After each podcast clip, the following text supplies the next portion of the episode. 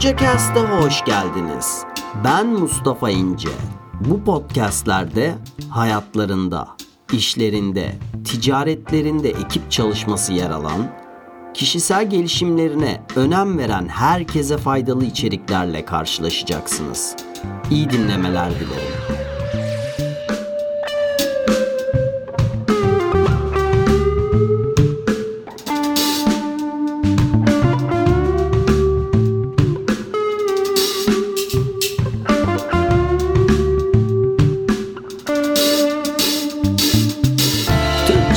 Podcast'e tekrar hoş geldiniz arkadaşlar. Yeni bir bölümle geçtiğimiz iki haftanın devamı niteliğinde olan bir bölümle tekrar birlikteyiz arkadaşlar. Bu etki kuramları ile ilgili yapacağımız son podcast olacak. Belki ileride tekrar döneceğiz. Eğer ki dinlemediyseniz 24 ve 25. bölüm yani bundan bir iki önceki bölüm tamamıyla bu bölümle alakalı onlara bir göz atın isterim. Ve bu bölümde, bu podcast'te Doktor Cialdini'nin bahsettiği bu 7 etki kuramı dijital dünyada nasıl işleniyor? Nasıl değişti peki? Bunları konuşacağız birazcık. Değişimden ziyade bir göç oldu demiştik zaten. Geçtiğimiz yayında olsa gerek. Bu platformlara bir göç oldu. Bunlar bu bahsedeceğimiz 7 kuram, bahsettiğimiz 7 kuram insan davranışlarıyla alakalı olduğu için en primal, en ilkel şeyler olduğu için sosyalleşme ya da evrimle birlikte değişen, gelişen aslında pek bir değişiklik olmadı. Sadece göç oldu. Yine aynı kuramlar kullanılıyor. Fakat bu yayında bahsedeceğim bazı örneklerle dijital dünyadaki uyarlanmasını daha iyi algılayacağınızı düşünüyorum. Daha çok işinize yarayacağını düşünüyorum. Neden? Çünkü dediğimiz gibi online platformlara hızlı bir göç oldu işlerimiz, ticaretlerimiz, ürün, servis, hizmet her ne yapıyorsak hepsini online dünyaya hızlı bir şekilde taşıdık ve bu şekilde devam ettirmemiz gerekiyor. Çünkü 3. dalganın içerisindeyiz artık. Türkiye'nin 2.9'da olduğunu söylüyorlardı. Bu pandemi döneminde hızlı bir giriş yaptı 3. dalgaya. Artık e, bilişim çağına hoş geldik diyebiliriz. Ve bu çağda yaptığımız bütün işleri her şeyi dijital platformlarda paralel olarak dijital platformlara taşımamız gerekiyor arkadaşlar. Bu bahsettiğimiz 7 kuraldan herhangi biri ya da birkaçı kullanıldığında platform ne olursa olsun fark etmiyor. İnsanlardan daha fazla evet cevabı alıyoruz. Ve online platformlarda işte bu tetikleyiciler kullanılıyor. Peki nasıl kullanılıyor? Bunlara değineceğiz arkadaşlar.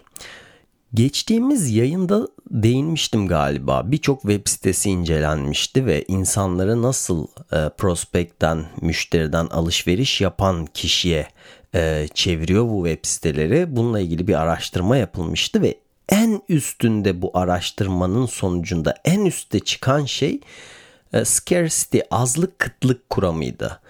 Yani insanları en çok harekete geçiren şey, en çok insanları etkileyen şey bu azlık, bu kıtlık kuramı. Özellikle süpermarketlerde vesaire daha çok karşılaştığımız bir durum bu. Belirli bir miktarda bir ürün ya da hizmetin olması. Kıtlık, azlık durumu o ürünün. Bu fiyattan son 3 ürün gibi durumlar.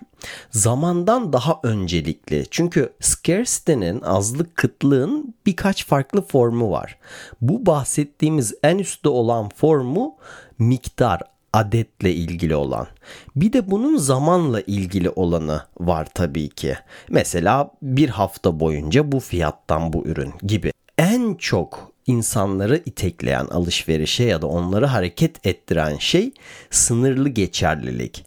Sınırlı sayıda ürün varsa ortada ve e, hele de rekabet eden insanlar varsa o ürünü ya da hizmeti alabilecek bu durum insanları harekete geçiriyor direkt.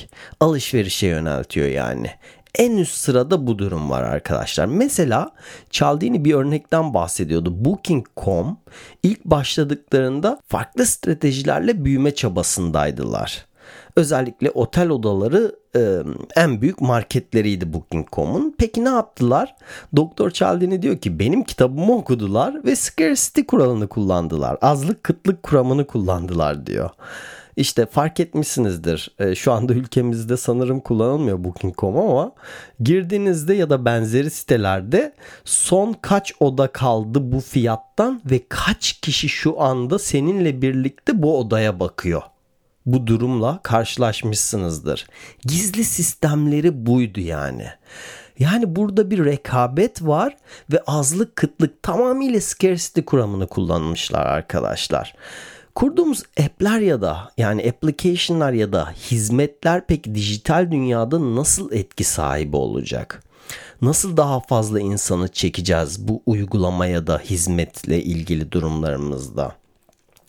Bunu şöyle yapmamız lazım. Unik olan şey ne senin hizmetinde? Senin ürününde unik olan şey ne? Sana gelmezlerse dışarıdan bulamayacakları şey ne? Başka bir yerden değil sadece bizden bulabileceği şey ne? Bunu ön plana çıkartmamız gerekiyor. Rekabet ettiğin kişilerden farkını ortaya çıkartman gerekiyor. Bunu yapabilirsen işte bu scarcity, azlık, kıtlık e, için bir örnek olacak. Bir tür fırsatı kaçırma korkusu olacak. İkinci sırada ne geliyor? En çok insanlara evet dedirten ya da insanların bizimle aynı yönde ilerlemesini engelleyen ya da arttıran şey social proof, sosyal kanıt. E, dijital dünyada ne oldu? Elektronik medya, e-ticaret dönemi içerisinde en çok gelişen, en çok değişen ee, aslında en çok kabuk değiştiren diyebiliriz. Kuran bu. Çünkü günümüzde artık bireyler inanılmaz derecede tüm dünyada bireyler birbiriyle iletişim halinde. Ee, bu çok kolaylaştı haberleşme durumları. Artık insanlar bir ürün ya da hizmet hakkında izlenimlerini, fikirlerini, tecrübelerini e, kullanıcı forumlarından, chat gruplarından, web site yorumlarından birçok farklı platformdan paylaşıp birbirlerine ulaştırabiliyorlar. Dijital dünyada en büyük adımı atan yani sosyal kanıt kuramı oldu ama hala scarcity yani azlık kıtlık kuramının altında ikinci sırada yer alıyor. İnsanlar kalabalığı takip eder, trendi takip ederler. Ee, bir data noktası paylaşmak istatistik oluyor. Güzel bir örnekten bahsedeceğim daha iyi anlayacaksınız. İki data noktası paylaşmak insanlara gelişim farkını göstermek oluyor. Yani önceden şöyleydi şimdi böyle. Üç data noktası paylaşmak ise geleceği insanların gözünün önüne e, sokuyor. Gözünün önünde canlandırıyor. Üç nokta ne yapıyor? Trend oluşturuyor aslında başkalarının gelişen trendin farkına varmalarına yardımcı oluyor. Eğer insanlar trendi görürseler, geleceği göz önünde canlandırırlar arkadaşlar. Bu durumda e, ne olacak? Tabii ki sen sadece şu anki sosyal kanıta değil, aynı zamanda gelecekteki sosyal kanıta da sahip olmuş olacaksın. Sosyal kanıtın ne olduğu ile ilgili bir önceki podcastleri belki dinlemeniz daha faydalı olacak. 24. bölüm olsa gerek. Verdiğin datalarla e, önceden nasıldı, şimdi nasıl bunu söylüyorsun. İnsanlara trene atla çünkü biz e, gidiyoruz. Bu gelecek ve bunu kaçırma demiş oluyorsun. Bununla ilgili bir araştırma paylaşayım sizlerle. E, bir araştırma yapıyorlar işte evde su tasarrufu önemli diye bir makale veriyorlar e, insanlara. E, üç grup var. Birinci gruba e, evde su tasarrufu önemli diye bir makale vermişler. Bu kontrol grubu oluyor. İkinci gruba da diyorlar ki sadece yüzde otuzluk grup insanlık evde su tasarrufu yapıyor diyorlar. Üçüncü gruba da diyorlar ki iki yıl önce yüzde yirmi idi Geçen yıl %25, bu yıl %30 insan evde su tasarrufu yapıyor diye bir data veriyorlar. İşte bunları okutuyorlar bu makaleleri.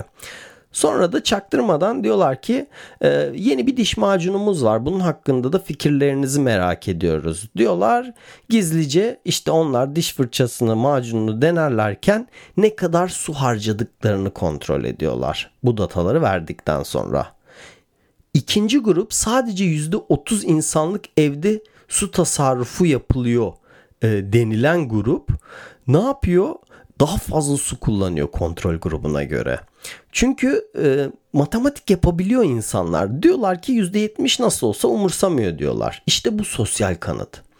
Üçüncü grupta ise trend olma durumu var. Trendi görüyorlar.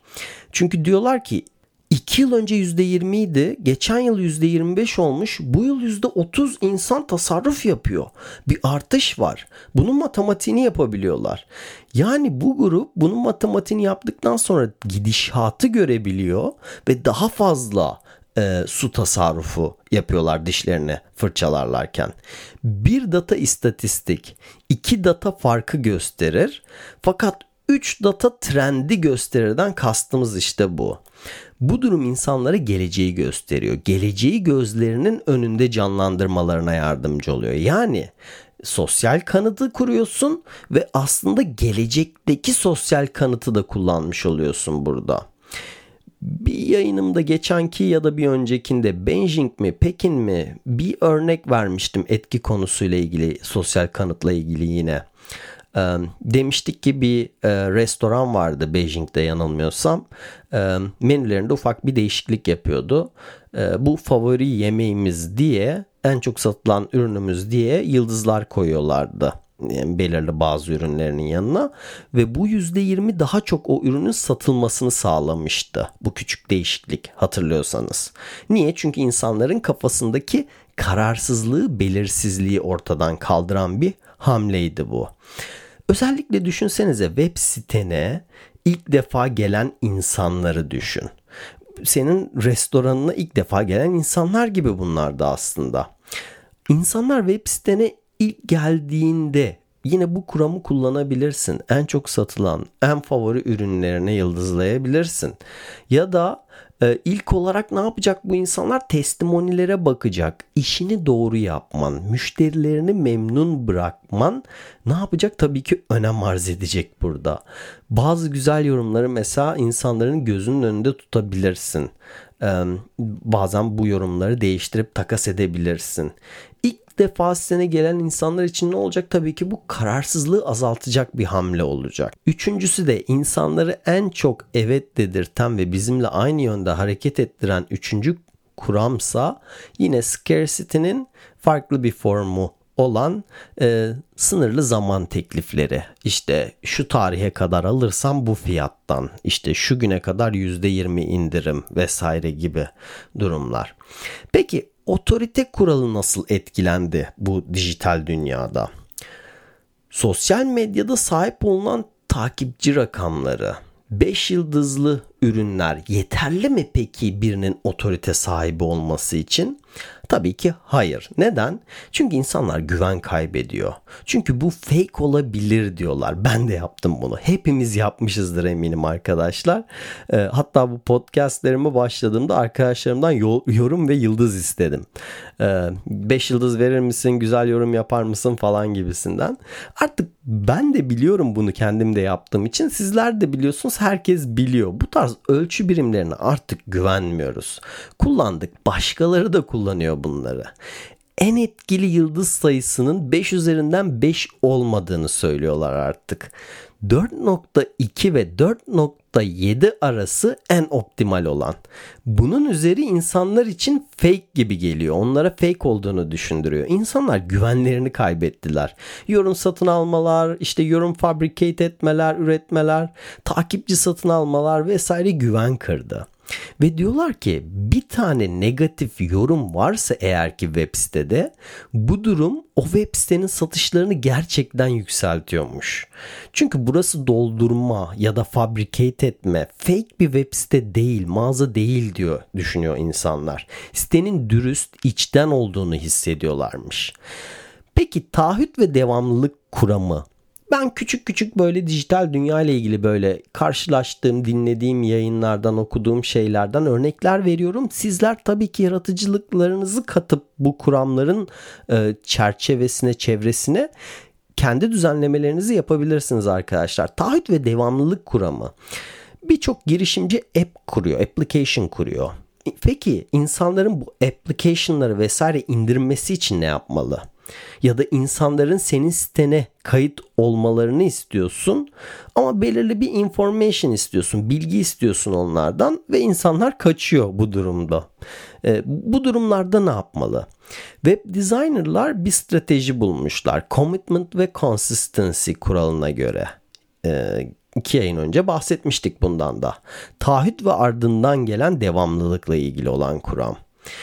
Buna göre şekillendirmişler web sitelerini. İlk sayfadaki bilgi talebini inanılmaz derecede azaltmışlar. 3 ila 4 arası. İkinci sayfaya ardından insanları geçirmişler. Web sitede bilgi toplamak ya da online daha çok kayıt yapabilmek için bu kuramı e, taahhüt ve ardından gelen devamlılık kuralını e, kullanmışlar. İlk sayfada kayıt sırasında ya da form doldurma mevzularında istenilen bilgi miktarını 3-4 adette tutmak kayıt miktarlarını %50 oranında arttırmış arkadaşlar. İlk sayfayı doldurunca ne yapıyor insanlar? Bir taahhüt vermiş oluyor. Ardından ikinci, üçüncü sayfayı işte ardından gelen devamlılıkla doldurmaya devam ediyorlar. Peki Zoom toplantılarında bilmiyorum aramızda var mı online ders almayan ya da Zoom toplantılarına katılmayan e, burada etkimizi nasıl arttırabiliriz peki bu platformda? Daha interaktif olarak chat roomlarda elini kaldırarak söz alarak insanların sana daha çok odaklanmasını sağlıyor çünkü bu durum. Eğer insanlar bir şeye ya da birine odaklanırlarsa psikolojik olarak zihinleri bu kişi dikkate değer e, diyor. Daniel Kahneman yine bahsetmiştim e, Nobel ödülü almıştı Prospectory doğru telaffuz ettim umarım kuramıyla e, ya bir önceki ya ondan önceki yayında. Bu kişi Daniel Kahneman ekonomi alanında işte Nobel ödülü alan kişiye soruyorlar. Psikolojik fenomen nedir? Biz insan oğullarının nasıl çalıştığını tarif edecek şey nedir diyorlar bu kişiye. Ve o Nobel ödülü aldığı prospectory işte teorisinden bahsetmiyor. Bunu söylemiyor. Kaybetmek kazanmaktan daha çok insanları motive ederle ilgili bir kuram bu. Ee, diyor ki hayatta sen bir şeyi düşünürken bundan daha önemli olduğunu düşündüğün başka bir şey yoktur diyor. Bir şeye odaklanmak senin bir şeye olan verdiğin önemi arttırıyor. Elini kaldırmak yani bu toplantılarda söz hakkı istemek, anlamlı bir şekilde soru sor- sormak, interaktif olmak. E ne olacak? öğretmenlerinin, konuşmacıların ya da senin e, konuşmanı dinleyen diğer kişilerin dikkatini sana çekecek. Senin diğer grubun geri kalanının önünde önemini arttıracak tabii ki. Karşılıklı olmak kuralıyla ilgili peki dijital dünyada ne yapabiliriz? Ee, bu karşılıklı olma kuramını hatırlıyorsunuz. Bize bir şeyler veren insanlara biz tekrar bir şeyler e, vermek isterizle ilgiliydi.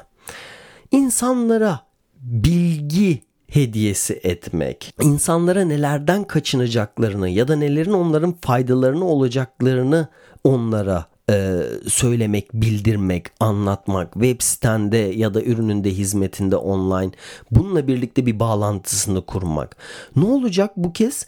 Sen hem otorite olacaksın, o alanda bir expert konumuna koyuyorsun kendini hem de ne olacak onlara bir şeyler veriyorsun. İki kuralın kombinasyonu gibi.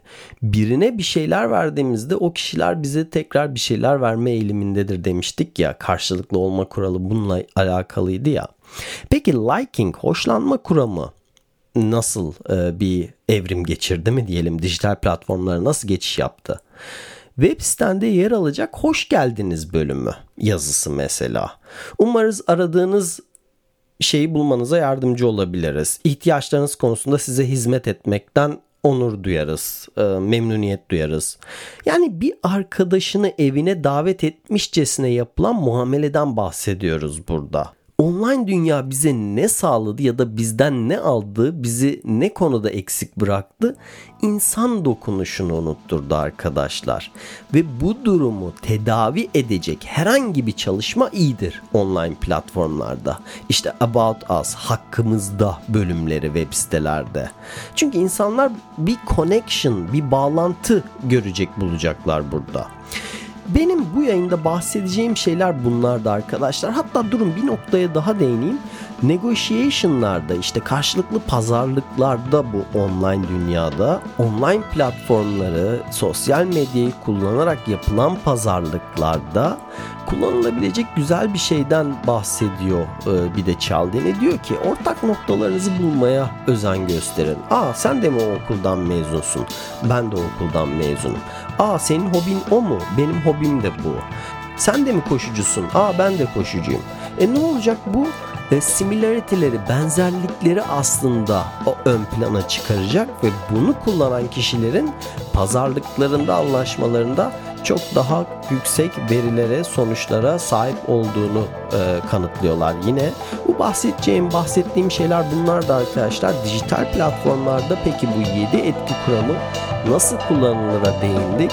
Umarım sizlere faydalı, güzel bir yayın çıktı ortaya. Önümüzdeki hafta tekrar görüşeceğiz arkadaşlar. O zamana kadar kendinize iyi bakın.